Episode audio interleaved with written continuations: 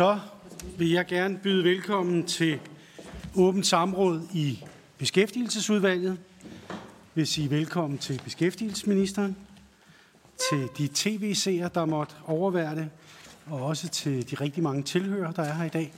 Jeg skal lige sige, at udover dem, der sidder i lokalet, så har vi Solbjørg Jacobsen fra Liberal Alliance, Jens Jol fra Socialdemokratiet, Charlotte Munk fra Danmarksdemokraterne og Kim Valentin fra Venstre med øh, virtuelt til mødet her også. Samrådet i dag det handler om arbejdsmiljøet i bygge- og anlægsbranchen, som er belyst i rapporten Migrantarbejderes arbejdsmiljø og sikkerhed i bygge- og anlægsbranchen fra Aalborg Universitet, herunder hvad ministeren vil gøre for at forbedre vilkårene. Der er stillet et samrådsspørgsmål fra Victoria Velasquez fra Enhedslisten og Carsten Hønge fra SF, og spørgsmålet lyder følgende. Vil ministeren redegøre for, hvordan den systematiske underrapportering af arbejdsulykker og et generelt fravær af et godt arbejdsmiljø i bygge- og anlægsbranchen ikke har været kendt før? Herunder hvilke initiativer ministeren vil i gang sætte for at forbedre situationen og inden for hvilken tidshorisont? Der henvises til rapporten Migrantarbejderens arbejdsmiljø og sikkerhed i bygge- og anlægsbranchen 2023 fra Aalborg Universitet. Og jeg vil give ordet til Carsten Hønge for at begrunde samrådet. Værsgo, Carsten. Social dumping, det stikker sit grimme fjes frem mange steder. Nye forklædninger, nye øh, udtryk, nye steder. Men altid med den samme konsekvens, nemlig at lønarbejdernes løn- og arbejdsforhold kommer i vridemaskinen, og seriøse firmaer, der også ønsker danske vilkår på danske arbejdspladser, bliver udsat for unfair pres i konkurrencen om arbejdsopgaver. Win-win for grådige udenlandske arbejdsgiver og kyniske danske mellemhandlere, tab for danske lønmodtagere, ordentlige arbejdsgiver og for velfærdssamfundet. Det er baggrundstæppet for dagens samråd. I dag der er det så ikke lønpres gennem underbetaling, massivt overarbejde, som der ikke betales ekstra for. Det er ikke de ofte uhumske boligforhold, som udenlandske arbejdere ofte lever under, og det er ikke de uværdige vilkår med trusler om fyringer, vi skal diskutere. Social dumping viser sig nemlig også gennem et dårligt og mange gange farligt arbejdsmiljø. For nogle udlandske firmaer og danske bygherrer, ja, der er lønarbejderne bare arbejdskraft, som så nemt kan skiftes ud. Der er en udbredt, kynisk og umoralsk køb og smid væk mentalitet, når der kommer til omgangen med andre mennesker. Men lønarbejderne er ikke bare genstande i en produktion. Aalborg Universitet har udgivet rapporten Migrantarbejderes arbejdsmiljø og sikkerhed i bygge- og anlægsbranchen og afslører de hårdrejsende vilkår, som udenlandske lønarbejdere møder på danske byggepladser. Rapporten anslår, at der er et markant større mørketal for migrantarbejdernes arbejdsulykker, end vi hidtil har regnet med. Forskerne vurderer, at der potentielt kun er omkring hver femte arbejdsulykke, som rent faktisk anmeldes. Og derfor er spørgsmålet, hvad siger ministeren til de her store mørketal? Jeg siger ministeren til, at migrantarbejderne har væsentligt dårligere vilkår end danske ansatte i byggebranchen? Og så selvfølgelig, hvilke initiativer vil ministeren så tage på baggrund af rapportens konklusioner? Jeg vil også lige spørge ind til, hvad der egentlig skete med nogle af de udmærkede initiativer, som var aftalt i øh, den, i den aftale, der hed Danmark kan mere et. Der var blandt andet lagt op til tre initiativer, som kan være med til at rette op på de skæve vilkår i byggebranchen. Jeg kan desværre ikke finde dem i regeringens lovkatalog. Måske ministeren kan oplyse os om de her lovforslags skæbne. Det drejer sig om et i ressort af Udlænding og Integrationsministeriet frakendelse af retten til at drive virksomhed, til at drive virksomhed ved gentagen brug af illegal arbejdskraft. Det var nummer to i ressort af Beskæftigelsesministeriet indførelse af krav til arbejdsgiveren om, at der skal stilles en bolig til rådighed for ansatte. Altså vel at mærke gode boliger, som også lever op til dagens betingelser. Og så i så også af Beskæftigelsesministeriet det tredje forslag, en styrket indsats for arbejdsmiljøet, også lokalt i virksomhederne. Hvad skete der egentlig? Dels med spørgsmål, og hvad skete der med de her initiativer, som tidligere aftalt? Herefter så vil jeg give ordet til ministeren for besvarelse. Værsgo, minister. Mange tak for det. Også tak for at indkalde til samråd øh, om ulykker og arbejdsmiljø i bygge- og anlægsbranchen. Øh, tak for øh, indsatsen fra øh, vores faglige organisationer for at sætte fokus på det. Tak til Aalborg Universitet for at gøre os klogere. Øh, Det her det er et emne, der optager mig meget som beskæftigelsesminister, men faktisk også har gjort det i alle mine år øh, på Christiansborg og før det.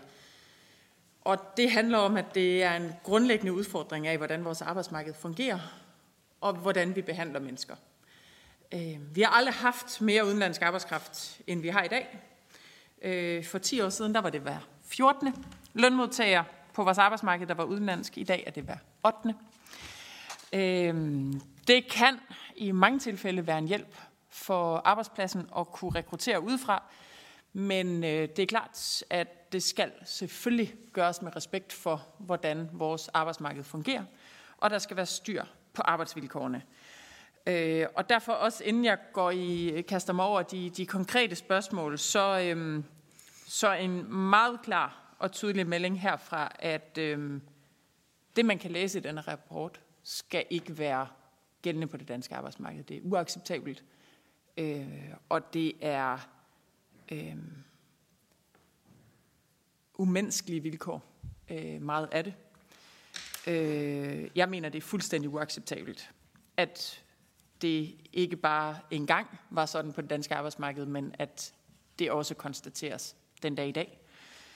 Øh, det skal være trygt og sikkert at gå på arbejde i Danmark. Man skal kunne regne med, at ens arbejdsgiver tager sit ansvar seriøst. Øh, og så er der også brug for, at øh, arbejdsmarkedets parter løfter øh, ansvaret inden for den danske model øh, og får det til at fungere også i brancher med meget udenlandsk arbejdskraft. Vi havde det også op at vende på et samråd i november, hvor det handlede om arbejdsforhold i restaurationsbranchen. Dengang sagde jeg, og det vil jeg godt gentage nu, at dårligt arbejdsmiljø ikke må blive et konkurrenceparameter øh, på det danske arbejdsmarked. Øh, og så til nogle af øh, underrapporteringens, øh, altså øh, rapportens bevis for, øh, at det bliver øh, anmeldt i mindre grad, hvis man kommer til skade som udlænding.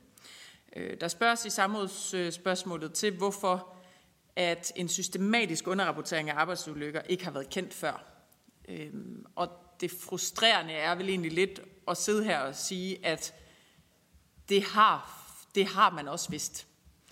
Øh, det har jeg talt med flere af tilhørende om i dag, at man har vidst. Øh, men, men i det hele taget er det ikke sådan øh, helt ny viden, at der er et mørketal. Øh, generelt på ulykkesområdet er der et mørketal, det ved vi, det har vi også haft op at vende politisk, øh, at der er ulykker, der, der ikke bliver anmeldt. Øh, og øh, det kan man blandt andet se med en undersøgelse fra Arbejdstilsynet tilbage fra 2017, som viste, øh, at omkring 50 procent af arbejdsulykker ikke bliver anmeldt.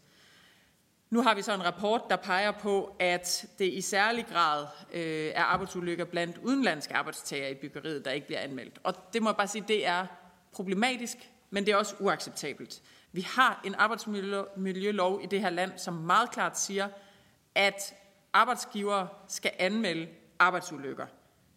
Det forventer jeg, at vores arbejdsgivere lever op til det ansvar, som loven giver. Hvis det ikke sker, så kan man selv anmelde ulykken til arbejdstilsynet. Øh, det er der også en række årsager til, hvorfor det ikke altid er nemt.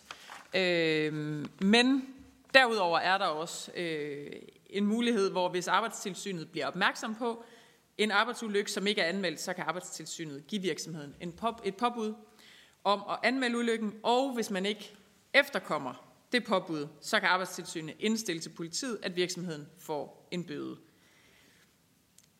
Arbejdsulykker, det er jo en særlig prioritet øh, politisk i vores seneste arbejdsmiljøaftale, som øh, alle tilstedeværende er en del af. Øh,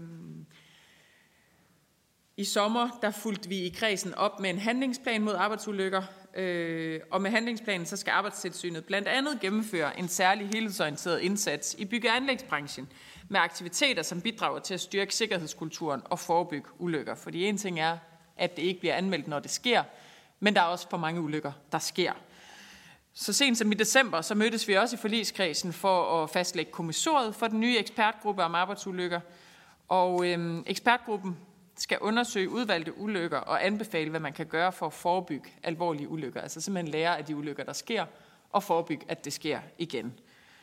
Derudover så har vi hjemmesiden Workplace Danmark, som giver informationer på flere sprog om arbejdsvilkår, sundhed, sikkerhed, skat og moms i Danmark. Og i det hele taget så er det et fokusområde for de tilstedeværende ordfører, men også for mig som minister. I rapporten der peges der også på eksempler på, at udenlandske arbejdstagere får de farligste opgaver, og at de arbejder under et højere pres. Rapporten peger også på, at flere udenlandske arbejdstagere oplever at få besked på at arbejde på skæve tidspunkter, og at gemme sig i skurvognen eller helt forlade byggepladsen, når arbejdstilsynet fører tilsyn. Det sidste har jeg selv gentagende gange vidnet med egne øjne, øh, når jeg har været med på tilsynsbesøg. Og lad mig bare gentage, det er fuldstændig uacceptabelt. Lovgivningen er også her meget klar. Arbejdsgiveren har pligt til at sikre et ordentligt arbejdsmiljø for sine ansatte, uanset hvor de kommer fra.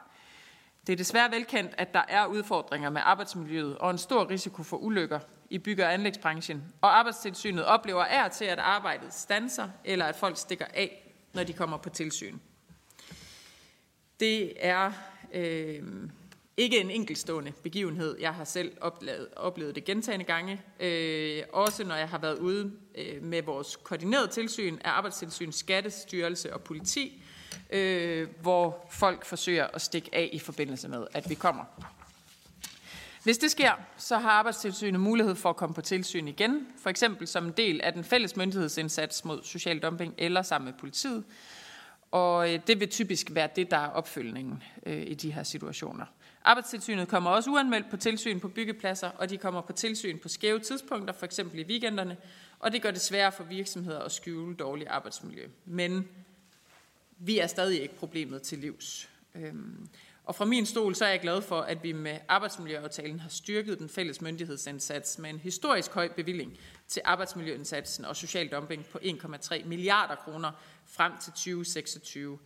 Det er jo en indsats, der lige har haft øh, 10 års jubilæum, som jeg synes virkelig fortjener sin, øh, beviser sin berettigelse, og som vi derfor også politisk var enige om at styrke endnu mere. Øh, blandt andet ved også at etablere et nyt indsatsteam mod social dumping på tværs af arbejdstilsyn, skat, skat og politi, som skal tage sig af de særligt komplicerede og grove sager, hvor virksomheder bryder loven igen og igen.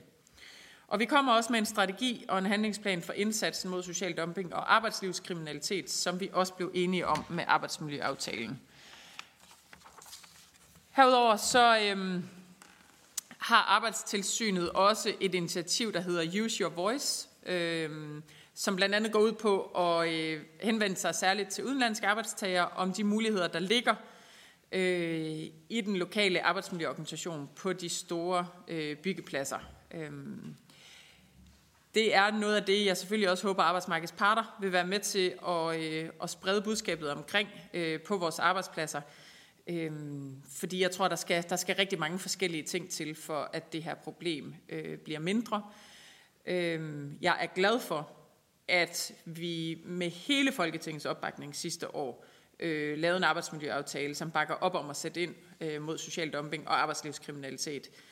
Øhm, Både fordi det viser, at det ikke længere i så høj grad er noget, vi skændes om øh, politisk, men at det er en erkendelse, at det her problem findes, og at det er en erkendelse, at det også kræver noget politisk handling at, stå, øh, og, og gå ind over for det, men det, det er også helt tydeligt, tror jeg også for alle, der arbejder med det, at myndighedsindsatsen hverken kan eller skal stå alene. Øh, vi har brug for arbejdsmarkedets parter, men vi har i hvert fald også brug for, at arbejdsgivernes ansvar for at sikre arbejdsmiljøet bliver overholdt. Øhm, og derfor så øh, er det også noget af det, Arbejdsmiljørådet øh, vil blive bedt af mig om at drøfte, hvordan øh, parterne også selv øh, kan bruge de resultater, der nu ligger i rapporten, på at løfte indsatsen yderligere. I det hele taget så er der øh, her at gøre med et problem, som jeg mener i 2024 er uacceptabelt på det danske arbejdsmarked. Jeg mener, at vi politisk har et ansvar. Jeg mener, at arbejdsgiverne har et ansvar. Jeg mener, at vores parter sammen har et ansvar, øh, fordi det er mennesker, det handler om, og det handler også om, hvad vi accepterer øh, på vores danske arbejdsmarked øh, at gøre til et konkurrenceparameter, og det her, det skal ikke accepteres. Tak for ordet. Tak for det. Så siger jeg tak til ministeren. Så er det sådan så, at samrådsspørgerne får mulighed for at stille opfølgende spørgsmål, og når det er gjort, så åbner vi for talerlisten. Og som første spørger er det Victoria Velasquez. Værsgo, Victoria. Tak for det. Som samrådsindkalder vil vi også gerne og håber, at ministeren har noteret sig de første spørgsmål, som der også lå i øh, Carstens Hynges indledning, og med de forskellige øh, delelementer delelementer for den del besvaret. Salen i dag, den er fyldt, og det tilstødende lokale, hvor folk ser med fra, øh, på tv, ligesom jeg ved andre også gør, er også fyldt. Og øh, mennesker, der bliver direkte ramt af de ting, der står i rapporten, er til stede her i dag. Eksempelvis en ukrainer, der aktuelt bliver udnyttet sammen med flere af sine andre kollegaer. Og det er hamrende uretfærdigt, og det må ikke accepteres.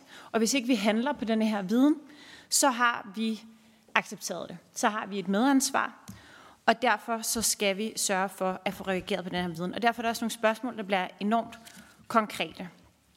Helt konkret, så har vi aftalt, at vi skal have den handlingsplan i forhold til arbejdslivskriminalitet og social dumping. Hvornår kommer den til at være klar? Hvornår kommer vi til at gå i gang med den?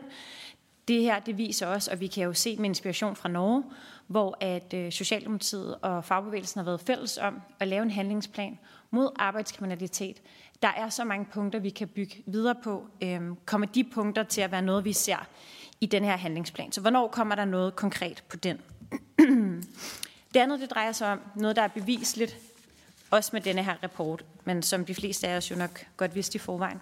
Og det er, at arbejdsgiver udnytter manglende viden, og de udnytter muligheden for at kunne sige fra. Skal vi så ikke gøre noget ved det? Skal vi ikke sørge for, at der faktisk er viden? Der er konkrete anbefalinger, og dem kunne jeg godt tænke mig at høre ministeren forholde sig til. Det handler helt konkret om at klæde de mennesker på, som bliver udnyttet.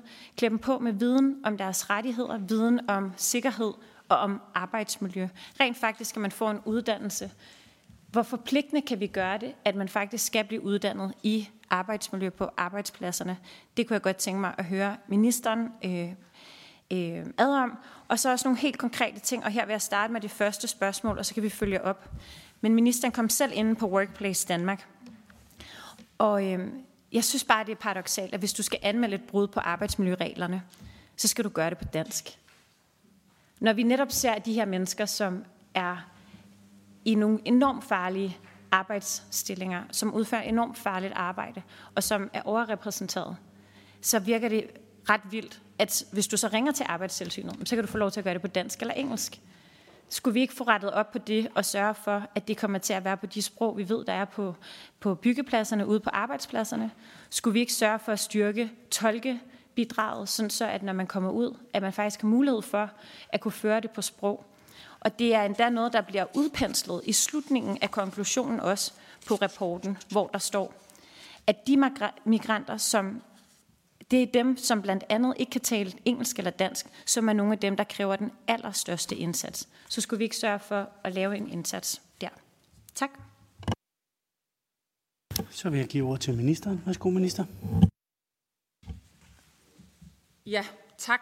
Øhm, og også herfra tak for, at øh, fremmødet er så stort, ikke mindst øh, også fra, fra nogle af jer, øh, der helt konkret har mærket det på egen krop. Øh, det synes jeg kun gør, øh, gør pointen stærkere. Øh, får vist, at en ting er nogle ord på noget papir i en rapport, noget andet er at se, at det er mennesker, det handler om.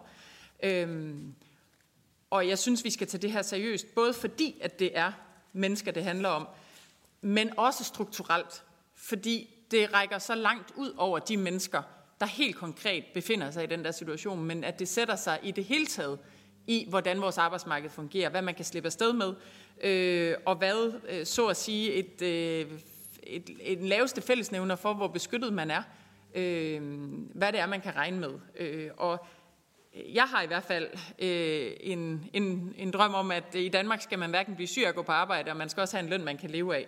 Øh, og, og en ting er, at det ikke er sikret i de her tilfælde, men, men når vi så samtidig ser øh, det, der også bliver spurgt til her med, at man jo øh, udnytter muligheden for, at man ikke kan sige fra. at man i det hele taget fastholder folk øh, i nogle tilfælde, hvor man ikke engang er i stand til at rejse, hvis man vil. Øh, der er hele boligsituationen, øh, som jeg fortsat synes, at, øh, at, vi, øh, at vi skal have kigget ind i. Øhm, og derudover er der jo så de ting, øh, der bliver spurgt om, blandt andet på sprog. Øh, det synes jeg, at vi skal have kigget på. Ja, Victoria Velasquez. Så helt konkret betyder det så, ja, vi får ændret sådan så på Place Danmark, at det ikke længere kun kommer til at være på dansk, at man kan anmelde brud på arbejdsmiljøreglerne, men at man vil have mulighed for at kunne gøre, øh, få det materiale på, på flere sprog. Og øh, helt konkret skal vi afsætte ressourcer, vi har haft gjort det før, skal vi afsætte ressourcer igen til tolkebestand. Er det okay, formand? Det er, det er godt. Det er, når man er ivrig. Øhm, så vidt jeg er orienteret, så har arbejdstilsynet tolke, øh, men jeg synes, vi skal kigge på, øh, hvis der er brug for, øh, at kigge nærmere ind på, hvordan man kan, øh, man kan henvende sig øh, i forhold til, hvad for nogle sprog, der er på hjemmesiden osv. Øh, fordi altså, det her gælder jo i meget høj grad mennesker, som hverken kan dansk eller engelsk. Og det er jo også det, der skaber afhængighedsforholdet i mange tilfælde. Øh, og hvis vi gerne vil have, at det her bliver, bliver åbnet mere op i forhold til, at man kan man har adgang til myndighederne øh, til at sige fra, øh, så er det selvfølgelig også en diskussion om, om det reelt er en mulighed. Øh, det synes jeg, vi skal se på, blandt andet i forhold til sprog på hjemmesiden. Øh, det samme gælder, om man kender sine rettigheder. Øh, men jeg er også med på, at at en ting er at kende sine rettigheder, en anden ting er overhovedet at være i en situation, hvor man føler, at man kan bruge dem. Øhm, og det er jo det, der er så alvorligt i de her meget grælde tilfælde, øh, at, at det reelt er arbejdsgivere, som stiller deres medarbejdere i en situation, hvor de reelt øh, ikke kan øh, sige jobbet op og tage hjem. Øhm, og hvor de reelt ikke øh, har mulighed for at sige fra. Øhm, Derfor skal vi stadigvæk arbejde for, at man kender sine rettigheder, at man ved, at der er nogen, der er klar til at have ens ryg, at der er nogen, der er øh, klar til at løfte en sag, at vi har faglige organisationer, at vi har lovgivning osv. osv. at vi også har øh, myndigheder. Øhm, men jeg synes, vi, øh, jeg synes, vi skal tage en drøftelse af, hvordan, øh, hvordan vi gør det bedst øh, i forhold til øh, de helt konkrete spørgsmål. Tak. Så er det så, vi åbner op for spørgsmål, og den første, det er Charlotte Munk fra Danmarksdemokraterne. Værsgo, Charlotte. Ja, tak. Kan I høre mig? Ja. Ja, det er godt, tak. Ja, meget af det er jo øh, allerede sagt, men øh, jeg, øh, jeg øh, kører nu alligevel på øh, med, med de her spørgsmål. I rapporten øh, Migrantarbejdernes arbejdsmiljø og sikkerhed i bygge- og anlægsbranchen, der peges der i flere sammenhænge på, at kontrolindsatsen fra offentlige myndigheder ikke er tilstrækkelig til at opdage de rådne kar i branchen. Det medfører en ulige konkurrencesituation for alle de arbejdsgivere, der overholder gældende love og regler. Og jeg ønsker at vide, hvad øh, regeringen vil gøre for, eller, hvad regeringen vil gøre for at sikre en mere effektiv kontrolindsats på området. Øhm, og videre, øh, rapporten peger på, at øh, myndighedsindsatsen ikke altid er koordineret godt nok på tværs af forskellige myndigheder, såsom arbejdstilsyn, skat, politi og integrations- og udlændingemyndigheder med videre. Øh, har regeringen planer om at styrke myndighedssamarbejdet på tværs af de forskellige myndigheder, eventuelt med forbillede i den norske model, som vi allerede har været inde på, hvor en fælles myndighed står for øh, kontrollen. Og så til sidst, et af de mest opsigtsvækkende fund i rapporten er den øh, konsekvente underrapportering af arbejdsulykker øh, blandt migrantarbejderne. Hvis man skal kunne målrette indsatsen for et bedre arbejdsmiljø, er det klart, at man må kunne stole på tallene i det offentlige register. Og jeg ønsker at vide, hvad regeringen vil gøre for at sikre, at afrapporteringen af arbejdsulykker bliver mere retvisende.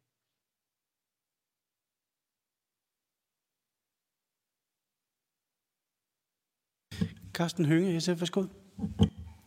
Altså, ministeren svarer heldigvis jo ikke overraskende, at øh, det her, det har vi vidst i lang tid. Det er ikke helt ny viden. Ministeren siger også, at øh, hun personligt har oplevet folk flygte fra arbejdspladser, komme ud på, øh, og siger også, at det er problematisk og uacceptabelt. Så øh, når det er nu noget, vi har vidst i lang tid, og ministeren har vidst det i lang tid, hvorfor skulle vi så vente på en rapport, øh, der nu dokumenterer det? Det er det ene, og det andet at når vi nu har rapporten, der dokumenterer det, så vil det være naturligt at spørge, hvornår sker det? Um, noget af den ekstra bevilling, der er gået til arbejdstilsynet, skal forhåbentlig ikke bare sådan gå til løbesko, så de kan løbe efter alle de her mennesker, der flygter, når der kommer nogen. For det er jo rigtigt når jeg har også været ude på, sådan, på sådan nogle steder, hvor man kan ikke se, jeg husker, jeg siger sådan at røven fra skosåler, hvor der er nogen, der skal væk. Ikke? Altså, men når det sker, så kan man jo nok lige tænke sig om, kan vide, hvorfor de flygter. Ikke? Altså, så der synes jeg nu nok ikke måske, at, at det, de bliver allermest bange for på sådan en, en arbejdsplads, det er at sige, at vi kommer igen en anden dag. Altså medmindre man så kommer bevæbnet med løbesko. Øh, fordi så er det jo bare det samme, der sker. Altså enten man gemmer sig, eller man løber væk. Så der er jo brug for her en, øh, altså en helt anderledes øh, massiv indsats. Så derfor, noget af det, der er mest interessant, det er faktisk det her. Ikke fordi, nogle gange kan man godt lære lidt af historien. Hvorfor er det her, det som ministeren selv siger, nærmest har været almen viden i lang tid, og så er der ikke gjort tilstrækkeligt ved det. Det var det ene, jeg spørger om. Det andet er, de der tre glimrende forslag fra aftalen om Danmark kan med et, har de en fremtid, eller er de skrottet af regeringen? Minister. Ja, mange tak for det. Øhm, hvorfor vente på rapporten? Det synes jeg jo faktisk med al respekt heller ikke, vi har. Øhm, jeg blev valgt til Folketinget i 2011.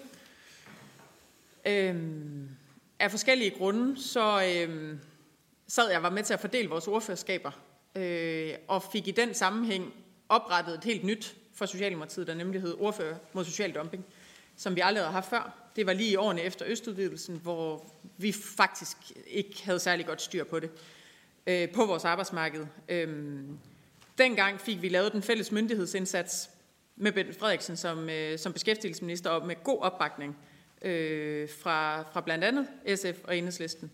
Øh, det var en fælles erkendelse, at her var vi bagud med noget, og vi blev nødt til at sætte ind. Siden da har vi vel nærmest ikke lavet andet, øh, i hvert fald øh, i fællesskab, end at skrue op. Øh, vi kan se, at det betyder noget, at myndighederne kommer samlet, og det er så måske også øh, en del af, af svaret til, øh, til Charlotte Munk, at, øhm, at det betyder noget, at flere myndigheder kommer samtidig, især fordi vi kan se, at på rigtig mange af de her øh, virksomheder, der er det jo ikke kun arbejdsmiljøet, der er problemet, eller skattebetalingen, der er problemet, eller illegal arbejdskraft, der er problemet. At hvis der er et af problemerne til stede, så er der ofte flere problemer til stede. Og derfor så giver det mening, at alle myndigheder er der på en gang. Og, og jeg er der jo så i regi af beskæftigelsesminister primært som følge øh, til arbejdstilsynet. Det er sjældent dem, der øh, fanger de, dem, der stikker afsted. Det er faktisk som oftest, når jeg er med ude i politiet, der gør det øh, og tager dem med øh, og finder ud af, om de er her illegalt osv. Samtidig med, at arbejdstilsynet så dykker ned i de grundlæggende arbejdsvilkår øh, på stedet. Jeg synes, det giver mening, man er der sammen. Øhm, jeg vil sige, vi har, vi har som regel sikkerhedssko på, men dem kan man også godt løbe i. Øhm, øh, det er jo ikke det samme som, at der ikke er en grund til øh, at se, om vi kan gøre endnu mere. Det er i hvert fald bare et ønske også herfra om, ikke at lave en fortælling om, at vi har vidst det her i 10 år, uden at gøre noget som helst. For det, det synes jeg faktisk, vi har forsøgt at gøre. Øhm, jeg synes bare ikke, vi er i mål. Og det tror jeg ikke, der er nogen, der gør. Og så er der slet ikke nogen, der har læst den her rapport. Øhm, så nej, jeg synes ikke, Charlotte, at tilsynet øh, er tilstrækkeligt til, at vi ikke længere har problemet. Men jeg synes til gengæld, at vores seneste arbejdsmiljøaftale giver flere muskler til lige præcis den her indsats. At vi både laver en effektiv kontrolindsats, at vi sørger for, at myndighederne går ud sammen og får koordineret, øh, men at vi også forsøger at lære af de især dødsulykker, der foregår, Øhm, samtidig med, at vi har lavet et nyt samarbejde mellem myndighederne til der, hvor der er arbejdslivskriminalitet, altså der, hvor det er ekstra slemt. Øhm, og øh, vi har igennem tiderne haft rigtig mange forskellige forslag på beding. Rigtig mange af dem er blevet til noget. Øhm, inklusiv jo også arbejde for, hvad vi gør med vores udbudslov og så videre. Det betyder stadig ikke, at problemet helt er løst. Øhm, og øh, den her regering kommer også til at kigge ned i, ligesom der står i regeringsgrundlaget, at vi kommer til at styrke indsatsen mod social dumping, øh, inklusiv øh, øh, og forholde os til nogle af de forslag, som vi nåede at få på bordet i den tidligere regering, men som vi ikke nåede at komme på, øh, i mål med. Tak. Tak, minister. Så er det Victoria Velasquez. Værsgo, Victoria. Kan vi ikke lige få uddybet, hvad det betyder lidt mere med ikke lige at komme i mål med det? Er, det, altså, er bolden ved at blive driblet hen i målet, så de kommer i mål om lidt, eller øh, at der kommer lidt flere ord på øh, de konkrete øh, tre forslag? Øhm, I forhold til løbesko og sådan nogle ting, så synes jeg, det bliver lidt paradoxalt, at vi taler om at jagte dem, der bliver udnyttet i forhold til roden til problemet, nemlig de griske arbejdsgiver, som udnytter mennesker, der står i en sårbar situation. Og der virker det til, at sanktionerne ikke er tilstrækkelige til at sikre en ændret adfærd. Det er jo ret tydeligt, at det kan betale sig for arbejdsgiver at udnytte andre mennesker. Og der vil jeg gerne høre, om ministeren mener, om ikke at det er tid til at indføre skrappere sanktioner. Om ikke at ministeren tror, at det vil være med til at ændre den adfærd, som der er brug for. Så vil jeg gerne følge op på noget mere i forhold til det her med oversættelse og tolkebidraget. Øhm, hvornår følger vi op på, at det er blevet oversat til de rigtige øh, sprog? konkret i forhold til anmeldelsesblanketter og så videre på arbejdstilsynet. Det kunne være rigtig rart, at vi sammen kunne sige herfra, også til de mennesker, som konkret bliver berørt af det. Vi sørger faktisk for, at ultimo øh, marts, så har vi det faktisk på plads eller noget andet. Øh, en anden ting, det er også nogle af de pjæser, som der er. Blandt andet også inde på Workplace Danmark.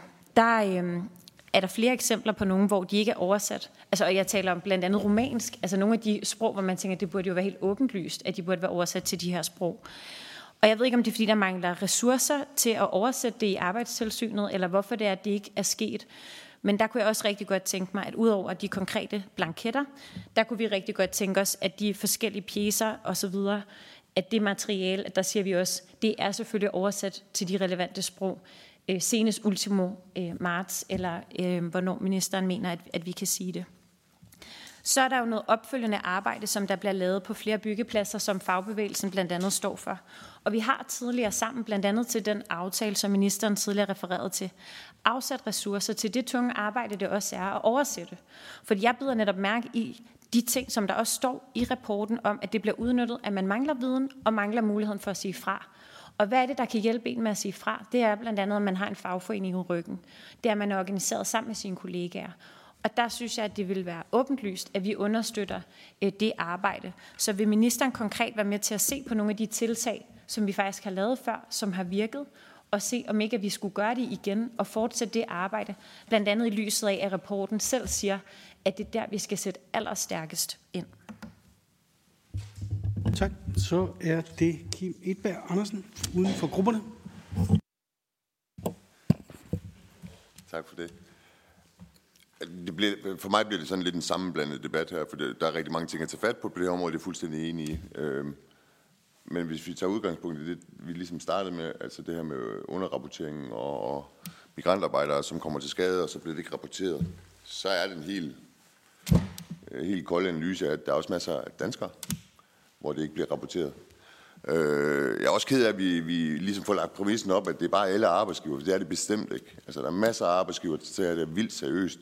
Og så kommer vi frem til problemstillingen, at vi har nogen, altså, det er bare for lige at analysere mig frem til, hvad vi gør. Så har vi så nogen, som øh, ikke følger reglerne. Og der kan vi sætte alle de regler op, vi vil. De kommer stadigvæk ikke til at følge reglerne. Der kan, det kan være sanktion, der kan være andre ting, som måske kan straffe dem, men det kræver, at vi fanger dem. Fordi snittet ind til benet, så er loven, at vi som arbejdsgiver, jeg selv sidder med det i masser af år, de skal rapporteres. Om man så bare kommer til at støde hovedet ind i en, en container, selvom der ikke er sket noget, til hvis man falder ned og slår sig selv ihjel, så skal det rapporteres af arbejdsgiveren. Punktum. Det er uden for diskussion. Det skal det, og det skal håndhæves. Og hvordan gør vi så det? Jamen det gør vi jo ved at orientere de arbejdsgiver, som rent faktisk gider at gøre tingene ordentligt. At de gør det, og jeg tror at rigtig mange er kommet i mål med. Men skyggetallet er stadigvæk alt for stort, også på helt øh, kridhvide danske arbejdspladser og naturligvis også i forhold til, og så, så keder enhedslisten siger det der med kollegaer, for jeg tror, hvis man har en rumænsk kollega i, i et primært dansk virksomhed, så tror jeg faktisk, man hjælper dem med at få det også. Problemet er, når man ansætter hele, øh, hele hold med, med udlændinge med det ind og, og kan underbyde markedet. Så mit spørgsmål det er egentlig, minister, hvad skal der til for at sikre, at danske arbejdsgiver overholder loven? Loven den er på plads. Jeg tror ikke, vi har brug for flere regler. Loven er på plads. Øh, og så bliver jeg også nødt til at sige, jeg tror, at kunstig intelligens kan hjælpe os rigtig langt i forhold til det. Men kunne det være en lavpraktisk løsning med, at alle, der har en ansættelseskontrakt, dybest set på ansættelseskontrakten, bliver informeret om, hvor er du går hen, hvor er du kan søge, hvor er du kan læse dig til, hvad der sker, hvis du bliver dårligt behandlet. Kunne man skrive det der? Så det er en meget lavpraktisk løsning, men det er voksne mennesker, der kommer hertil. Man må også have en forventning om, at hvis man får bud og siger, her kan du læse om dine rettigheder, så, er man også, så må man også godt selv sætte sig ind i det. For den præmis med, at man bliver udnyttet og ikke kan tage hjem, det kan man jo altid. Hvis ikke man har forsøgt sit pas, så kan man altid tage hjem igen. Det er et valg, man træffer som voksen menneske. Så ønsker vi ikke et arbejdsmarked i Danmark, hvor man udnytter mennesker. Det er fuldstændig enig. Men, det men er det ikke bare, at øh, vi finder ud af at, at, at få håndhævet loven, og så rent lavpraktisk få orienteret os migrantarbejdere om, hvor at, øh, at de kan få det her? Det kunne man lave på en ansættelseskontrakt. Vi må gå ud fra, at det er alle sammen folk, der er ansat et eller andet sted, vi snakker om i dag. Minister? Tak for det. Tak for en øh, runde gode øh, spørgsmål endnu en gang. Øhm, øhm, jeg tror på sanktioner. Bare lige altså for at slå det fast. Det er også en diskussion, vi har haft i en årrække. Øh, hvornår går ting ondt nok? Vi har haft det på kapitagekørsel. Vi har haft det, altså, vi har haft det på en række af vores øh, områder på arbejdsmarkedet. At når vi har regler, og vi kan se, at der er øh, hovedparten, som gerne vil overholde dem, og så er der nogen, der snyder på vægten, og dermed får en konkurrencefordel og ødelægger det for resten i forhold til det marked, der er, at så skal vi som myndigheder sørge for, at det gør mest muligt ondt. Øh, der er alt muligt proportionalitetsprincipper og alt muligt, som vi nogle gange støder på, men det skal kunne mærkes. Øh, det synes jeg er en løbende diskussion, vi skal have. Også på det her område, fordi når det bliver ved, så er der jo et eller andet, hvor konsekvensen ikke alligevel kan mærkes, eller hvor gevinsten er for stor i forhold til, hvad der kan mærkes. Øhm, jeg synes til gengæld ikke, øhm, eller det er i hvert fald, jeg, jeg hører det meget gerne, jeg ser ikke andre muligheder, end at når man kommer ud på en byggeplads, og folk stikker af, at man så sætter efter folk.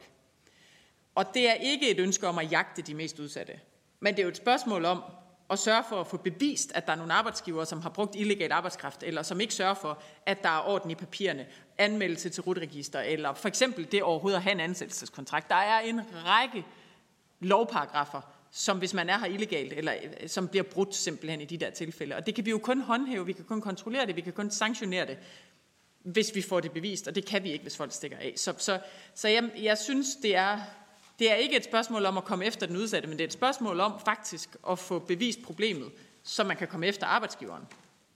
Og så vil jeg godt bare understrege, øhm, jeg synes, du har ret, Kim, i forhold til også at få sagt, at der er rigtig mange gode arbejdsgivere derude. Der er rigtig mange gode arbejdsgivere derude. Der er rigtig mange, som gerne vil, der har vi også et problem med, at arbejdsulykker ikke bliver anmeldt. Jeg startede med at sige, at Arbejdstilsynet lavede en undersøgelse i 2017, altså for øh, syv år siden, som viste, at halvdelen af ulykkerne på vores arbejdsmarked ikke bliver anmeldt. Det er jo ikke kun udlændinge, der udgør den halvdel. Øh, så, så vi har en generel udfordring. Og der tror jeg, at oplysning kan noget. Der tror jeg også, altså, hvad ved, jeg tør ikke konkludere på, om ansættelseskontrakten kan være et rigtigt bud. Men, men der er i hvert fald noget der, hvor, hvor vi mere af systematiske veje kan få det tal op. Til gengæld så tror jeg, øh, det vil være min påstand, øh, at når det kommer til dem, den her rapport omhandler, så er der ikke mange ansættelseskontrakter øh, i spil. Øh, der er i hvert fald ikke meget af det formelle papirarbejde i øvrigt, som, øh, som er, som det skal være. Og derfor så tror jeg, at der var nogle, nogle helt andre ting på spil. Så, så på en eller anden måde er det to forskellige. Det er en del af det samme. Der er arbejdsulykker, som vi ikke opdager, og dermed kan handle på. Men jeg tror, der er to forskellige øh, løsningsveje, vi skal ned af i forhold til, at nogen gerne vil, og bare ikke får det gjort, eller som af den ene eller den anden årsag har et mørketal. Og så er der dem her, som er de rigtig grælde tilfælde, og hvor mennesker decideret ikke oplever at have en mulighed for at sige fra, og ikke oplever at have en mulighed for at, Øh, og, øh, og angive den her arbejdsgiver simpelthen. Øhm, og øh, der tror jeg, vi skal have nogle andre ting i spil.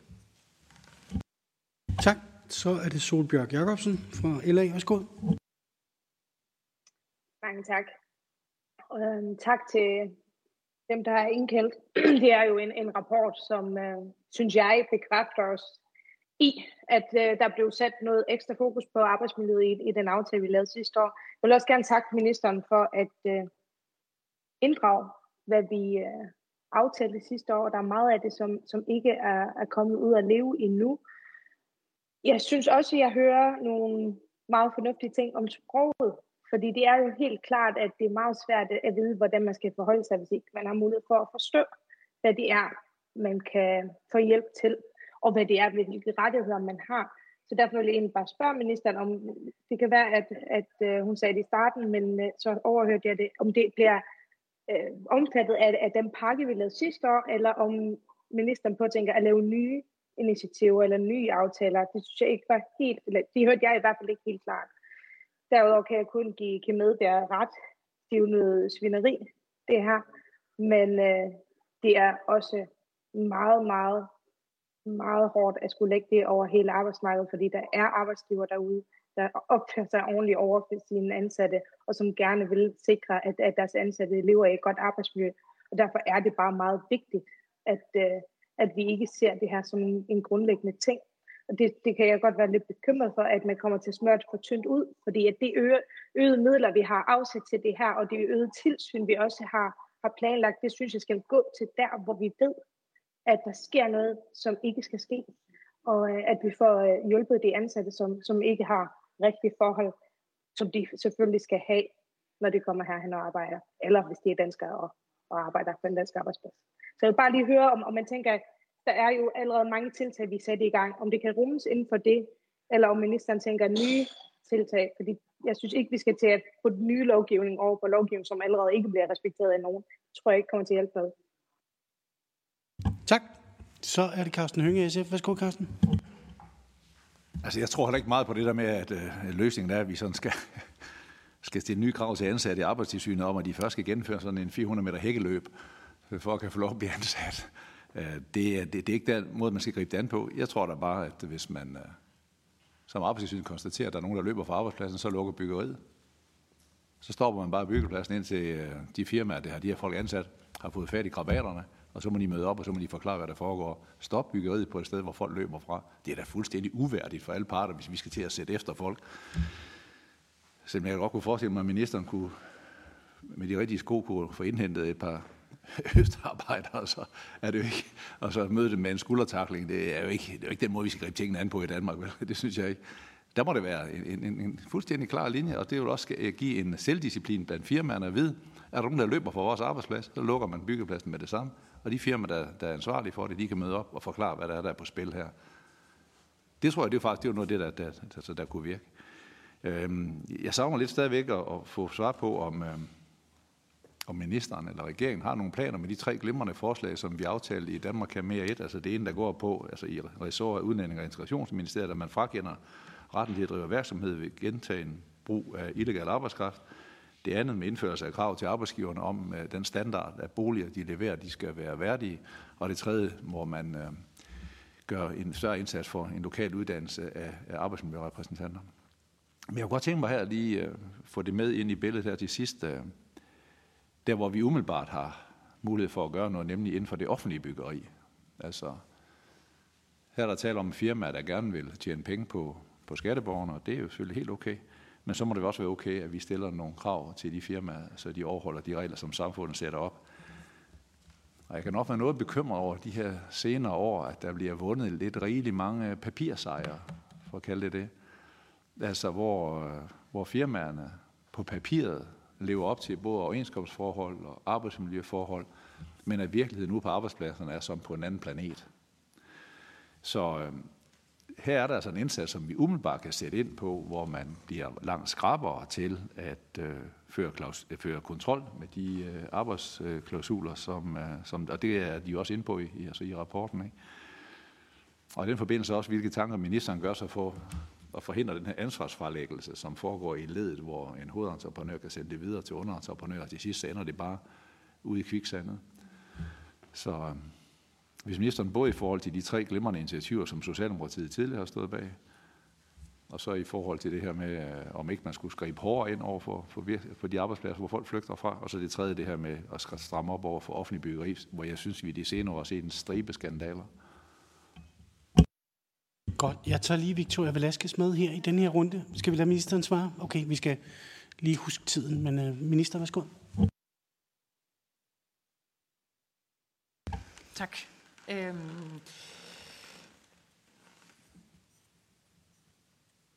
Yes, lad mig starte med Solbjerg. Øhm, tag endelig ordet igen, hvis det er, at jeg, jeg glemmer noget af det. Øh, vi har rigtig mange ting i spil, og også rigtig mange vigtige ting. Øhm, øh, tak for tilkendegivelsen, øh, også fra, fra Solbjerg om gerne at ville øh, se på sprog. Øh, det var jo ikke en eksplicit del af den aftale, vi lavede i foråret, men omvendt er der jo grund til, at vi laver sådan en, en stor rammebevilling til arbejdstilsynet. Det er jo også for, at vi ikke politisk skal sidde øh, og være nede i, i alle detaljer. Øh, så det kunne jo godt være, at der var øh, nogle muligheder for at gøre noget på hjemmesiden og andet for, at, øh, at det i hvert fald ikke var sprogbarrieren, øh, der ligesom øh, blev, blev afgørende for, at man ikke anmelder sine sin arbejdsulykker, og måske faktisk i højere grad har, har kendskab til sin til sine rettigheder sammen, øh, altså fælles med de mange faglige kræfter, der selvfølgelig også bruger rigtig mange kræfter på at være rundt og, øh, og orientere folk om, hvad det er, man, man kan, øh, og ikke mindst med en fagforening i ryggen. Øhm, og det sker jo heldigvis også hvert eneste år, gentagende gange, at øh, der er faglige kræfter, der løfter sager og vinder dem. Øhm, vi kan bare stadig se, at problemet fortsætter med at være der. Øhm, jeg vil så også godt sige, at jeg synes, det er klogt, det vi har gjort de senere år, og også senest med vores arbejdsmiljøaftale i foråret, med at øge, øh, altså målrette de øgede midler. I forhold til, at øh, Kim var også lidt inde på det, altså det risikobaserede tilsyn, det at vi kigger ned i tallene og ser, okay, der er nogen, hvor der stort set ingen øh, problemer er, når man kigger tilbage i årene, og så er der nogen, hvor der bare igen og igen og igen dukker noget op. Der er også forskel på brancher osv. Og, og det med at sige, at en ting er, at vi skruer op for bevillingen til arbejdstilsynet. Det, at vi skruer op for, at øh, skat, politi og arbejdstilsynet kommer ud sammen. Men det giver jo mening også, at vi politisk har tur tage ansvar for, de godt må komme mere ud nogle steder end andre. Og det betyder jo, at der engang imellem sker noget, der hvor vi ikke kigger så ofte, men, men grundlæggende tror jeg på det risikobaserede tilsyn og den målrettede indsats. Øhm, tak til øh, øh, øh, tilliden til løbeevnerne. Jeg vil så alligevel sige, at jeg er enig med ordføreren i, at det er nok godt, det ikke er det, der er vores grundlæggende strategi øh, til at komme det her problem til livs. Øh, jeg synes, det er godt, vi har myndighedssamarbejdet. Jeg synes, det er godt, vi har de målrettede tilsyn. Øh, og jeg synes i det hele taget, øh, at vores myndigheder vedvarende i de sidste lidt over 10 år har fokuseret det her mere og mere og tager det alvorligt, at det her det er en prioriteret indsats, der er afgørende for vores arbejdsmarked. Øhm, også i skat og politi, som jo ellers også har alt muligt andet at lave, øh, tager man den her opgave seriøst, og det er jeg glad for. Øhm, øh, som jeg også sagde tidligere, så øh, er det en del af den her regerings opdrag og en del af regeringsgrundlaget, at den her indsats skal styrkes. Vi er i gang med at se på de forskellige øh, bud, der er, på, øh, der er på bordet. Vi vender tilbage med det, men det er opdraget, øh, også i regeringsgrundlaget, at vi skal styrke indsatsen mod social dumping. Øhm, og tak i øvrigt for, for rosen til, øh, til Socialdemokratiets øh, politik. Det er jo dejligt. Øhm, jeg vil så alligevel sige øh, til det sidste, du siger, Karsten, i forhold til vores offentlige byggerier og papirsejerne. For mig er det jeg vil ikke sige dobbelt slemt, men, men på en eller anden måde ekstra, øh, ekstra øh, træls at se, at når der er ting, der ikke fungerer, når det så oven i købet sker for vores fælles skattekroner.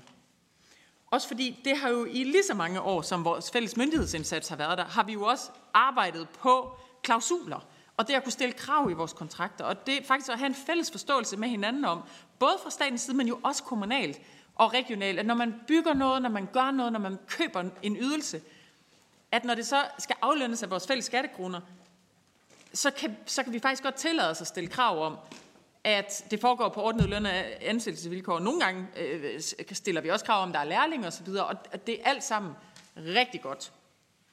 Vi formår bare ikke at håndhæve det lige så godt, som vi burde. Øh, vi havde en diskussion omkring øh, sortlistning ind i vores aftale i foråret. Øh, men, men jeg synes i det hele taget, øh, at vi har kommuner og kommunale kræfter, der i stigende omfang er opmærksom på det her, har jure ned og kigge i, hvad de kan stille af krav, men som også jo prøver at hejse et flag om, at der er ting, de ikke har adgang til viden om, når de indgår de her kontrakter. Og det tror jeg bare er en diskussion, vi, vi er nødt til at blive ved med øh, og, og forfølge i forhold til, at vi ikke kun laver ting på papiret, men rent faktisk også ser det ske i virkeligheden.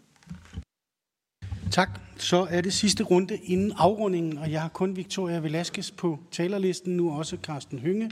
Hvis der er flere, så er det nu. Victoria, værsgo. Tak for det. Så vil jeg gerne øh, byde fast i fire ting. Et, handlingsplanen. Hvornår ser vi noget? Hvornår øh, kommer der noget på det? Øh, to, konkret, det er, at man ikke anmelder en arbejdsskade for eksempel. Så får øh, arbejdsgiveren et administrativt gebyr fra AS. Det kan de få på 5.000 kroner. To, vil ministeren være med til at se på sanktionerne? Og ikke bare diskutere det, men med fokus på rent faktisk at hæve dem. Øhm, tre, jeg er rigtig glad for den øh, imødekommelse, der er i forhold til sprog. Rigtig meget handler også om, det kunne være fantastisk, hvis vi kunne slippe for i princippet, at man skulle lave kontrol. Det kommer vi ikke til. Men hvis man rent faktisk havde en styrke og var organiseret og selv kunne gøre rigtig mange af de her ting. Og der er sprog bare rigtig vigtigt. Så i forhold til de dele omkring sprog og information, som rapporten jo også slår fast, er noget, der bevisligt bliver udnyttet. Hvornår får vi rykket på det? Kan vi sige, at vi rykker på det her i foråret? Så tre, hvornår får vi rykket på de ting omkring sprog? Og så fire, det er i forhold til tilsynet. Og der øhm, bliver jeg bare nødt til at sige, fordi vi roser tit, og vi sætter historisk mange penge af til tilsynet osv. Men der er altså også kommet en stigning på knap 300 procent, skriver rapporten blandt andet, på migrantarbejdere, som kommer til Danmark, og som er der, hvor at vi ser, at de bliver sat til at lave farligt arbejde, hvor der er en overrepræsentation af arbejdsulykker. Så på den måde så er det jo desværre sådan, at tilsynets ressourcer jo knap nok kan følge med, selvom vi har sat rigtig mange penge af. Øhm, så vil ministeren være med på at se, om vi skal have styrket arbejdstilsynet, hvis det er, at det viser sig, at vi ikke har sat nok af til arbejdstilsynet i forhold til det omfang af arbejdsopgaver, som der er brug for. Tak. Og den sidste spørger, det er Carsten Hønge. Værsgo. Jamen, jeg holder ikke tilbage på rosen, og, og det sker faktisk, at Socialdemokraterne går med til gode aftaler. Og det her, det var jo en aftale, som Socialdemokraterne var med til. Jeg tror, SF var jo også en del af aftalen, så det var ikke rent socialdemokratisk politik. Men jeg synes jo bare, at når vi nu havde fundet ud af nogle tre glimrende ting, Øh, så er jeg bare interesseret i at høre, hvordan, øh, hvordan ministeren stiller sig til det. Fordi øh, nu har vi haft et valg i mellemtiden, men altså, det ændrer ikke på, at de initiativer kunne være med til at rette op på det herunder jo også. Det med det offentlige byggeri, og det hører jeg igen lidt, at ministeren indtager det rigtige synspunkt. Men, men hvad var det så, vi skulle gøre ved det? For ministerens erkendelse af, at det er i høj grad håndhævelsen, vi mangler, det giver fuldstændig enig. Men så ventede jeg jo med spænding, så hvad vil ministeren gøre ved det? Kunne det være det her med, at man sørge for, at øh, man hænger på det ansvar, der er i fra hovedentreprenører til underentreprenører, eller kunne det være andre ting, som så kunne være med til at flytte noget? Øhm, her til sidst, så vil jeg også i forbindelse med det lidt lige tage, tage, tage en ting ind her, det er jo, at øh, rapporten beskriver jo også, at der er en, øh, en stigende kriminalisering af byggebranchen. Så virkelig alvorligt, at vi har en, en stor branche sådan i, midt i vores velfærdssamfund, hvor vi nu har en rapport fra et universitet, der, der beskriver, at der er en, skrigende, en stigende øh, kriminalisering. Og derfor er det jo igen interessant at få at vide, har ministeren nogle tanker om, hvad vi kunne gøre ved det? Altså her, altså kunne det være det her med at få vedtaget en handleplan mod kriminalisering, så man kan se, det er det, vi vil frem til, og på vej hen mod det, der vil vi gøre øh, følgende ting. Øh, og så den sidste ting, der har med det at gøre også, altså Ministeren har i dag også jo med god grund øh, rost øh, de faglige organisationers øh, arbejde med det her. Men øh, hvad tænker ministeren om også at sikre, at de faglige organisationer rent faktisk har adgang til arbejdspladserne? I dag er det jo sådan myndigheder, der kan, men, men langt hen ad vejen, sådan ude i det virkelige liv, jamen så er det jo repræsentanter for fagbevægelsen, der er ude og med tilstrækkeligt mange fodsoldater, for at sige det sådan, tjekker, om tingene er i orden. Men de, der er jo også steder, hvor man bliver afvist. Så var det ikke her en, øh, en oplagt ting at sige, jamen altså arbejdsmarkedets parter, øh, dem der har overenskomsterne, det er dem, der har adgang til, til arbejdspladserne. Godt. Ministeren får lov at svare sidste gang her inden afrundingen for spørgerne. Yes, tak for det. Øhm, øh, øhm, flere har sagt noget omkring sprog, Øh, Victoria, du rejser det igen. Øh, jeg synes bare, det er noget, vi skal tales ved om, og ikke konkludere på, på et samråd, men, men finde ud af, hvad det er, der er reelt behov, og, og hvad det så er, vi kan inden for, inden for også den aftale, vi lavede i foråret, som først lige er i gang med at blive, blive rullet ud.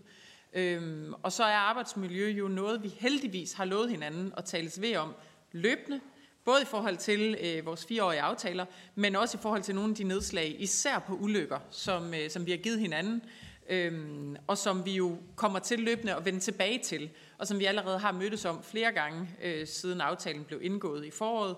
Øh, jo inklusiv jo også, at handlingsplanen, øh, at der ligger noget analysearbejde, og så, øh, og så kommer, øh, og så kommer vi, øh, vi senere øh, med den del. Øh, jeg synes altså hele det der med at kon- konstatere, at når ting bliver ved med at blive overtrådt, om sanktionerne så er høje nok, synes jeg da bare, altså det er, det er en grundlæggende politisk diskussion, jeg synes, vi hele tiden skal have, øhm, og som jeg også gerne øh, tager. Øhm, og så er det rigtigt, at øhm, i det øh, lidt over et årti, som, øh, som den fælles myndighedsindsats har arbejdet med at tage sammen ud og bekæmpe social dumping, der har vi set en ret markant stigning i antallet af udlændinge på vores arbejdsmarked. Som jeg også startede med at sige, vi er gået fra, at det var hver 14. til i dag, er det hver 8. på vores arbejdsmarked, der er udlændinge. Øh, det er jo ikke alt sammen i byggebranchen, og det er ikke alt sammen nogen, der har problemer med, og alt det der. Der er rigtig meget, der fungerer godt. Men det siger sig selv, at når der er problemer, som er ekstra store, de steder, hvor vi oplever udlændinge komme ind på den her måde, ofte på, et, på en arbejdsplads, hvor der slet ikke er nogen, der taler dansk, eller hvor man ikke kender sine rettigheder, at så bliver opgaven også tilsvarende større. Derfor er jeg også glad for, at vi skruede op for indsatsen og op for arbejdstilsynet med vores, næste, øh, vores aftale, der løber de næste år. Øhm, jeg tror på, at øh, det er også Kim, der siger det, at vi har rigtig meget i loven, og vi har rigtig mange regler. Men det bliver ved med at blive brudt, og derfor er det jo noget håndhævelse, vi også er inde og skulle se på. Ikke mindst når det kommer til vores øh, offentlige udbud. Øhm, når jeg ikke bliver meget detaljeret, så er det fordi, man skal passe på med at blande sig i andre ressort under ministeransvar på et samråd, øh, og rigtig meget af det ligger i udbudsloven. Øhm, men, men det er jo ikke det samme som, at vi ikke øh, havde en snitflade til det i vores arbejdsmiljøaftaler. Det er heller ikke det samme som, jeg ikke synes, at det skal fylde noget i den diskussion. Øhm, Øh, som sagt, så har vi i den nye regering også, ligesom vi havde i den gamle, en ambition om at styrke den her indsats. Øh, inklusiv også øh, at, at arbejde videre ned af nogle af de spor, der ligger. Øh, og øh, den der stigende kriminalisering, øh, synes jeg, jeg hører fra flere steder, øh, men er jo også det, der gør, at vi nu er begyndt at, at høre begrebet arbejdslivskriminalitet fylde mere. Øh, Øhm, at en ting er, at man ikke øh, har et ordentligt arbejdsmiljø, at man ikke lige betaler sin skat, at folk måske er her ulovligt, øh, videre, men men at det faktisk har trådet til nogle større kriminelle øh, problemer i vores land. I nogle af de her mest grælde tilfælde. Og igen, det er ikke størstedelen af vores arbejdsmarked, men det er en del af vores arbejdsmarked, vi er nødt til at tale om. Og derfor satte vi jo også ind med en ekstra koordinerende enhed i vores seneste arbejdsmiljøaftale, hvor politi, skat og arbejdstilsynet dedikerer endnu flere kræfter til os at sidde og kortlægge nogle af de, altså den kriminalisering, vi ser. Og det, det glæder jeg mig til at se folde sig ud. Øh, jeg synes, øh, det, det handler grundlæggende om værdighed på vores arbejdsmarked. Det handler om de mennesker, der bliver udnyttet. Det handler også om de kolleger på andre arbejdspladser, som oplever at blive underbudt, fordi der er nogen, der snyder på vægten. Men det handler jo faktisk også om alle de arbejdsgivere, som gør alt det, de skal, og behandler deres folk ordentligt, og oplever, at de så måske ikke får ordren, fordi der er nogen, der, øh, der underbyder på alt muligt andet, og derfor kan gøre det billigere. Så, så i samfundsinteresse er det her noget, vi skal blive ved med at tale om. Tak. Tak til ministeren. Så er der den afsluttende afrunding ved spørgeren Victoria Velasquez. Værsgo. Tak for det, og tak for samrådet og de spørgsmål, som der er blevet stillet. Flere har sagt, at den her rapport viser ting, som vi desværre udmærket havde kendskab til i forvejen. Men det ændrer ikke på, at det vi ser er hamrende alvorligt. Og det er nogle seriøse trusler, som der vi ser ind i. De mennesker, hvis liv det her omfatter, sætter, risikerer helbred, risikerer deres liv og bliver udsat for en uretfærdig udnyttelse for, at nogen kan vinde øh, nogle penge på det. Og vi er vidne til, at der er nogen, der i et helt usund udstrækning bliver afhængige af ens arbejdsgiver. Og vi ser et helt omfattende strukturelt problem af vores arbejdsmarked. Og det er et problem. Og øhm, det er kun et spørgsmål om tid, før det vi ser her, og de strukturer og de konsekvenser, vi ser her, slår revner ind på resten af vores arbejdsmarked. Den her rapport kommer med klokkeklare anbefalinger, og nu har vi også haft samrådet i dag. Så det vi mangler, det er noget handling. Der har været nogle positive tilkendegivelser på flere af tingene, men der er øh, flere ting, jeg ved, vi vil følge op på, fordi vi skal gøre meget mere end det, som der bliver gjort nu. Tak for samrådet. Tak, og det siger jeg også. Jeg siger tak til ministeren for at møde, og samrådet er hermed slut.